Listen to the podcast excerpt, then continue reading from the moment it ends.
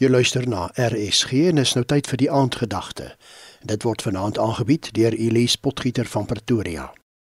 Romeine 8 Die doel van gebed is nie alleen om te ontvang wat ons van God af bid nie, maar om 'n verhouding met God Almagtig te hê.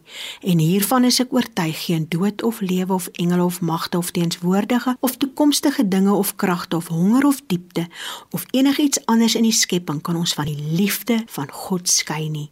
Die liefde wat daar is in Christus Jesus ons Here. Goeienaand luisteraars.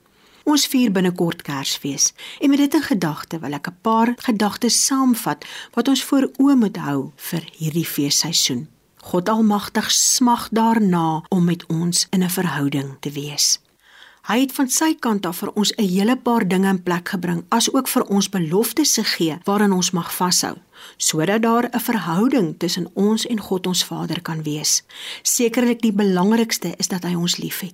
God ons Vader maak elke hart van elke mens en rig die hart so in dat ons 'n verhouding met hom kan staan.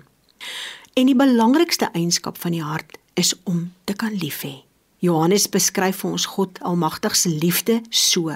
God het die wêreld so lief gehad dat hy sy enigste seun self God gestuur het om ons te verlos van ons sondes en daardeur te verseker dat ons vir ewig in God Almagtig se teenwoordigheid mag wees.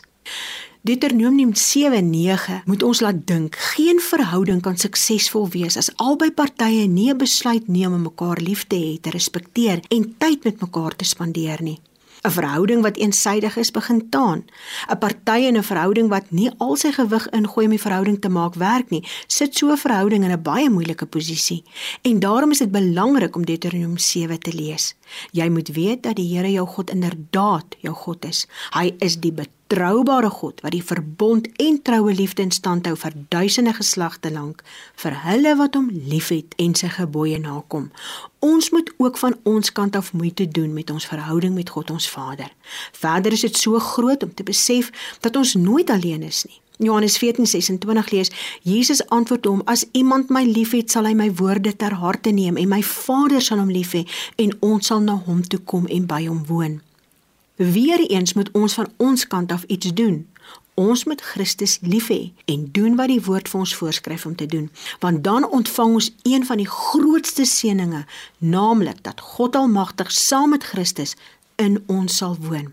Vir wat kan ons meer vra?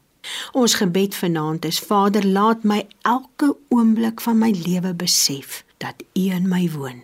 Amen. Dit was dan die aandgedagte hier op RSG, aangebied deur Elise Potgieter van Pretoria.